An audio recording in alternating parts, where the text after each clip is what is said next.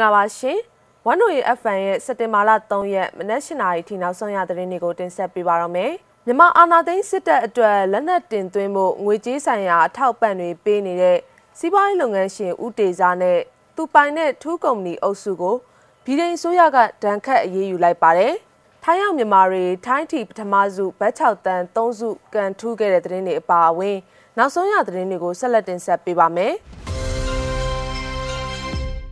မြန်မာအာဏာသိမ်းစစ်တပ်အတွက်လက်နက်တင်သွင်းမှုငွေကြေးဆိုင်ရာအထောက်အပံ့တွေပေးနေတဲ့စီးပွားရေးလုပ်ငန်းရှင်ဦးတေဇာနဲ့သူပိုင်ဆိုင်တဲ့ထူးကုမ္ပဏီအုပ်စုကိုဗီဒိန်ဆိုရကပိတ်ဆို့တန်းခတ်အရေးယူမဲ့စီရင်နဲ့ထည့်သွင်းလိုက်ပါတယ်။ဗီဒိန်နိုင်ငံတွင်းမှာရှိတဲ့ထူးကုမ္ပဏီနဲ့ဦးတေဇာရဲ့ပိုင်ဆိုင်မှုအားလုံးကိုထိန်းချုပ်ပြီးဦးတေဇာကိုလည်းပြည်ဝင်ခွင့်ပိတ်ပင်သွားမှာဖြစ်ကြောင်းဦးတေဇာနဲ့ထူးကုမ္ပဏီအတွက်ငွေကြေးနဲ့ဗဏ္ဍာရေးအရင်အမြင့်လွှဲပြောင်းပေးအပ်မှုအားလုံးကိုလည်းကန့်သက်တားဆီးသွားမယ်လို့ စက်တင်ဘာလ2ရက်နေ့စွဲနဲ့ဗီဒိန်အစိုးရကထုတ်ပြန်တဲ့ကြေညာချက်မှာဖော်ပြပါတယ်။ထူးကုမ္ပဏီတီထောင်သူနဲ့ဥက္ကဋ္ဌဖြစ်သူဦးတေစာသူ့ရဲ့ကျေပြန့်တဲ့အဆက်အသွယ်တွေကနေတဆင့်အရင်စစ်ကောင်းဆောင်တွေနဲ့ရောလက်ရှိအာဏာသိမ်းစစ်ကောင်းဆောင်တွေနဲ့ပါချိတ်ဆက်ထားပြီးဦးတေစာပိုင်စီးပွားရေးလုပ်ငန်းတွေဟာ2019ခုနှစ်ကရခိုင်ပြည်နယ်မှာရိုဟင်ဂျာတွေအပေါ်နယ်မြေရှင်းလင်းရေးလှုပ်ဆောင်ရာမှာငွေကြေးထည့်ဝင်ခဲ့ကြောင်းဒါ့ပြင် ဥထေစာပိုင်ကုမ္ပဏီတွေဟာမြန်မာစစ်တပ်အတွက်လက်နက်တွေတင်သွင်းပေးနေပြီးမြန်မာစစ်တပ်ကကျူးလွန်တဲ့လူအခွင့်အရေးချိုးဖောက်မှုတွေကိုပံ့ပိုးကူညီနေကြောင်းလည်းကြေညာချက်မှာဖော်ပြထားပါတယ်။အခုချမှတ်လိုက်တဲ့ပိတ်ဆို့အရေးယူမှုတွေဟာမြန်မာစစ်ကောင်းဆောင်တွေနဲ့ဆက်ဆက်တဲ့စီးပွားရေးလုပ်ငန်းတွေကိုပါဗီဒိန်ကပြစ်မှတ်ထားအရေးယူတော့မယ်ဆိုတာကိုပြသလိုက်တာဖြစ်တယ်လို့ဗီဒိန်နိုင်ငံသားဝန်ကြီးဒေါမနစ်ရက်ပ်ကပြောပါတယ်။မကြသေးခင်ကဗီဒိန်နိုင်ငံမှာကျင်းပတဲ့ G7 စက်မှုထိပ်သီးနိုင်ငံတွေရဲ့နိုင်ငံခြားရေးဝန်ကြီးများအစည်းအဝေးမှာမြန်မာနိုင်ငံကိုလက်နက်တင်ပို့ရောင်းချမှုအလုံးပိတ်ပင်ထားဖို့သဘောတူညီချက်အရ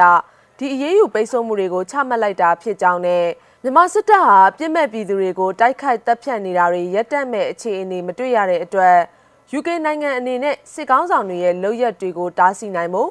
မြန်မာစစ်တပ်နဲ့ဆက်ဆက်နေတဲ့စီးပွားရေးလုပ်ငန်းတွေကိုပါအခုလိုအရေးယူပိတ်ဆို့မှုတွေချမှတ်လိုက်တာလို့လည်းကြေညာချက်မှာပါရှိပါတယ်။ ဒါပြင် UK နိုင်ငံအနေနဲ့မိဖက်နိုင်ငံတွေနဲ့ပူးပေါင်းပြီးကုလသမဂ္ဂအထွေထွေညီလာခံမှာမြန်မာနိုင်ငံကိုလက်နက်တင်ဖို့ရောင်းချမှုတကဘာလုံးအတိုင်းအတာနဲ့ပိတ်ပင်ဖို့ဆုံးဖြတ်ချက်ချနိုင်အောင်ကြိုးပမ်းနေတယ်လို့လည်းကြေညာချက်မှာဖော်ပြထားပါတယ်။လက်ရှိ G7 စက်မှုထိပ်သီးနိုင်ငံတွေရဲ့ဥက္ကဋ္ဌဖြစ်တဲ့ UK နိုင်ငံအနေနဲ့မြန်မာနိုင်ငံမှာဒီမိုကရေစီပြန်ရအောင်လုပ်ဖို့အကြမ်းဖက်တိုက်ခိုက်မှုတွေရပ်တန့်ဖို့ဒေါ်ဆန်းစုကြည်အပါအဝင်ဖမ်းဆီးထားတဲ့နိုင်ငံရေးအကျဉ်းသားအလုံးကိုပြန်လွှတ်ပေးဖို့အပါအဝင် အာဆီယံအဖွဲ့ဝင်တွေနဲ့သဘောတူထားတဲ့သဘောတူညီချက်9ရက်ကိုချက်ချင်းအကောင့်ထဲပေါ်ဖို့တိုက်တွန်းတယ်လို့လည်းအဲ့ဒီကြေညာချက်မှာပါရှိပါတယ်။နောက်ထပ်သတင်းတစ်ပုဒ်အနေနဲ့ရန်ကုန်မြို့လှိုင်မြို့နယ်တရက်ကွက်မှာမနေ့ကစက်တင်ဘာလ2ရက်ညနေ6နာရီခွဲဝန်းကျင်ကအမျိုးသားတဦးတနက်နဲ့ပြစ်တက်ခံခဲ့ရပြီးသူဟာစစ်ကောင်စီကိုသတင်းပေးနေသူဖြစ်တယ်လို့မြို့ကန်အချို့ကပြောပါရယ်ပြစ်တက်ခံရသူဟာကိုစုလိုင်မိုးဆိုသူဖြစ်ပြီး သူဟာလှိုင်မြို့နယ်တရက်ကွက်အင်ဂျင်မြိုင်လက်ဖက်ဆိုင်နာမှာပြစ်တက်ခံခဲ့ရတာဖြစ်ပါတယ်။ကိုကျူလိုင်မိုးဟာပြီးခဲ့တဲ့လကတနက်နဲ့အပြစ်ခံရပြီးတေဆုံးခဲ့တဲ့ဦးတင်လိုင်ရဲ့တပည့်ဖြစ်တယ်လို့လည်းဒေသခံတွေကဆိုပါတယ်။အခင်းဖြစ်ပွားပြီးတဲ့နောက်မှာတော့လှိုင်မြို့နယ်တရက်ကွက်အတွင်းစစ်ကောင်စီတပ်ဖွဲ့ဝင်တွေတွာလာစစ်ဆေးနေခဲ့ပြီးဇေယမင်္ဂလာလမ်းထဲမှာလည်းမိပိတ်ထားတဲ့အိမ်တွေကိုစစ်ကောင်စီတပ်ဖွဲ့ဝင်တွေကဆဲဆိုပြီးမိတွေပြန်ဖွင့်ခိုင်းခဲ့တယ်လို့လည်းသိရပါတယ်။ ထိုင်းရောက်မြန်မာတွေဖြစ်တဲ့ဇနီးမောင်နှံဇုံတွဲနှစ်တွဲဟာစက်တင်ဘာလ၁ရက်ကထွက်ရှိခဲ့တဲ့ထိုင်းချီပထမစုဘတ်6တန်း3စုစုခုသွားခဲ့တယ်လို့ထိုင်းရောက်မြန်မာတွေကိုကူညီပေးနေတဲ့ AAC မဟာမိတ်အဖွဲ့ရဲ့အထွေထွေတာဝန်ခံဦးရဲမင်းကမေစီမာကိုပြောပါရယ်ထိုင်းနိုင်ငံဘန်ကောက်မြို့အနီးပထုံဌာနီခရိုင်ဗန်းပအိမ်မြို့နယ်ကမြန်မာပြည်ပွားကရင်တိုင်းသားဇနီးမောင်နှံဟာထိုင်းထီပထမစုဘတ်6တန်းစုကိုနှစ်ဆောင်တွဲနဲ့ဘတ်12တန်းကန်ထူးသွားခဲ့တာဖြစ်ပါတယ်။ ထပ်မံပြီးဘတ်6တန်းစုကန်ထူးသွားတဲ့ဇနီးမောင်နှံဟာထိုင်းနိုင်ငံတောင်ပိုင်းဖန်ငါခရိုင်မှာအခြေခံအလုပ်ကျန်းလုပ်ကင်နေသူတွေဖြစ်ပြီးမွန်ပြည်နယ်ကဖြစ်တယ်လို့လည်းသိရပါတယ်။ကျွန်တော်တို့ကိုထီပေါက်တဲ့ငွေထုတ်ပေးဖို့အကူအညီတောင်းလာတာပါ။ကျွန်တော်သိသလောက်ပထမစုဘတ်6တန်းကအစု30ပေးတာကို3စုပောက်ခဲ့တာပါ။ဆူတောင်းပြည့်ရဲ့တော်လန်ရေးအတွက်ပြန်လူမဲ့သူတွေပောက်ကြတာလို့ဦးရဲမေဦးကပြောပါရယ်ဗတ်6တန်းစုနှစ်ဆောင်တွဲကန်ထူးသူဇနီးမောင်နှံရဲ့ထီစုတွေကိုထုတ်ယူပြီး မြန်မာနိုင်ငံကိုပို့ဆောင်ပေးပြီးဖြစ်ကြောင်းနဲ့ဗတ်6တန်းစုတစုပေါက်သူဇနီးမောင်နှံရဲ့ထီငွေကိုတော့စက်တင်ဘာလ3ရက်မှာထုတ်ပေးမှာဖြစ်တယ်လို့သူကဆက်ပြောပါရယ်ထိုင်းထီထုတ်ရမှာနေထိုင်ခွင့်အထောက်အထားမပြည့်စုံတဲ့အတွက်စုငွေထုတ်ယူရမှာအခက်အခဲရှိတာကြောင့်ထိုင်းမှာထိပေါက်ရင်အများစုက AAC အဖွဲ့ကိုအကူအညီတောင်းကြတယ်လို့လည်းသိရပါတယ်။ပြီးခဲ့တဲ့ဩဂတ်လကုန်ပိုင်းကကိုကန့်တက်မတော် MNDAA နဲ့စစ်ကောင်စီတို့တိုက်ပွဲကြောင့် မူဆယ်ခရိုင်ပန်ဆိုင်မြို့တွေကကြေးရွာကန်နေ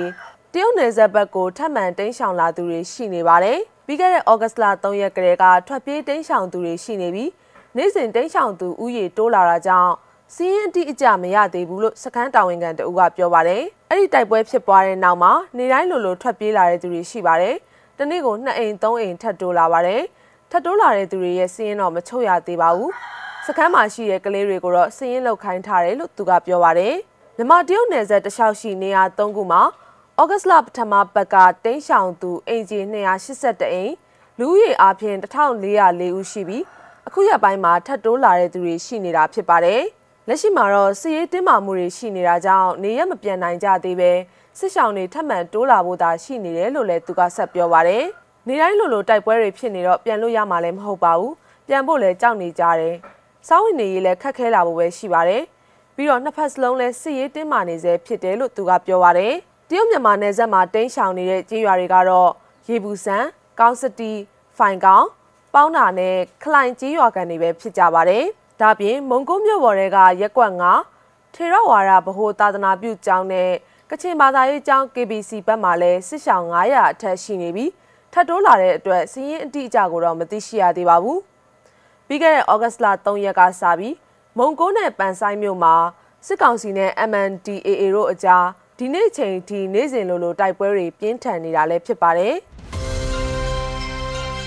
နိုင်ငံတကာဘက်မှာတော့တိဘက်ကျောင်းမှာတရုတ်ဘာသာနဲ့သာသင်ကြားဖို့တရုတ်ဆိုရကဖိအားပေးတဲ့အကြောင်းကိုလည်းဆက်လက်ဖွင့်ပြခြင်းပါတယ်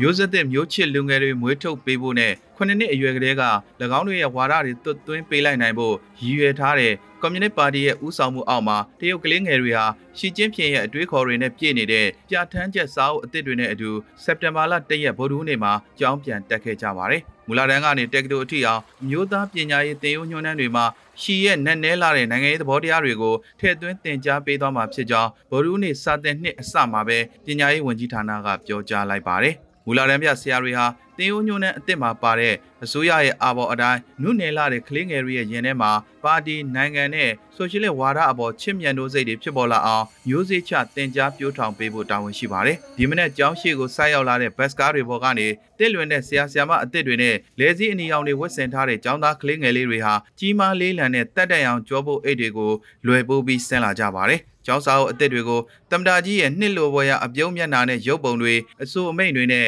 အလှဆင်ထားပြီးမူလာတန်းကလေးငယ်တွေအနေနဲ့ဂုံယူပွဲရာတရုတ်ရဲ့ယဉ်ကျေးမှုသမိုင်းအောင်မြင်ခဲ့တဲ့တိုင်းပြည်ပြန်လည်ထူထောင်ရေးနဲ့ COVID-19 ကပ်ရောဂါတိုက်ဖျက်ရေးတွေမှာကွန်မြူနစ်ပါတီရဲ့အခမ်းကဏ္ဍစတာတွေကိုအပိုင်းလိုက်ခွဲပြီးတင်ယူကြရမှာဖြစ်ပါတယ်။သင်ခန်းစာတွေကိုမျိုးချစ်စိတ်နဲ့တာဝန်ရှိမှုအကြောင်းရှီရဲ့အဆိုမိတ်တွေသူ့ရဲ့ပြည်သူတွေနဲ့တွေ့ဆုံမှုပုံတိုပက်ဆတွေနဲ့ပေါင်းစပ်ထားပါတယ်။အဖိုးရှီကျင့်ဖြင်သည့်အရန်အလုံများသည်သို့တော်ဘလောက်ပဲအလုံများပါစေကျွန်ုပ်တို့နှင့်ပူးပေါင်းပါဝင်ပြီးကျွန်ုပ်တို့ရဲ့တိုးတက်ရေးအပေါ်အလေးထားမြဲဖြစ်ပါသည်လို့ပြဋ္ဌာန်းစာအုပ်တစ်ခုမှာရေးသားထားပါတယ်။ ပြဋ္ဌာန်းချက်ပါရှီရဲ့အတွေးခေါ်တွေမှာစစ်ရေးနဲ့လူနေမှုဖွံ့ဖြိုးတိုးတက်ရေးတွေအပေါ်မှာပါတီရဲ့အကျွမ်းမဲ့ဥဆောင်မှုအပါအဝင်အခြေခံမှု14ချက်ပါဝင်ပါတယ်။ရှီဟာ2018ခုနှစ်ကဥပဒေပြုအစည်းအဝေးမှာ ဖွဲ့စည်းပုံအခြေခံဥပဒေမှာပြဋ္ဌာန်းထားတဲ့ကန့်သက်ချက်တွေကိုဖျက်သိမ်းပြီးအဆိုပါအခြေခံမူတွေနဲ့၎င်းအတွက်အကျွမ်းမဲ့အုပ်ချုပ်ခွင့်လမ်းစဉ်ကိုချမှတ်ခဲ့ပါတယ်။အခုဆိုရင် COVID-19 တိုက်ဖျက်ရေးကစပြီးစာပေနဲ့အမှုပညာကဏ္ဍတွေအထိနေရာတိုင်းမှာ၎င်းအခြေခံမူတွေကို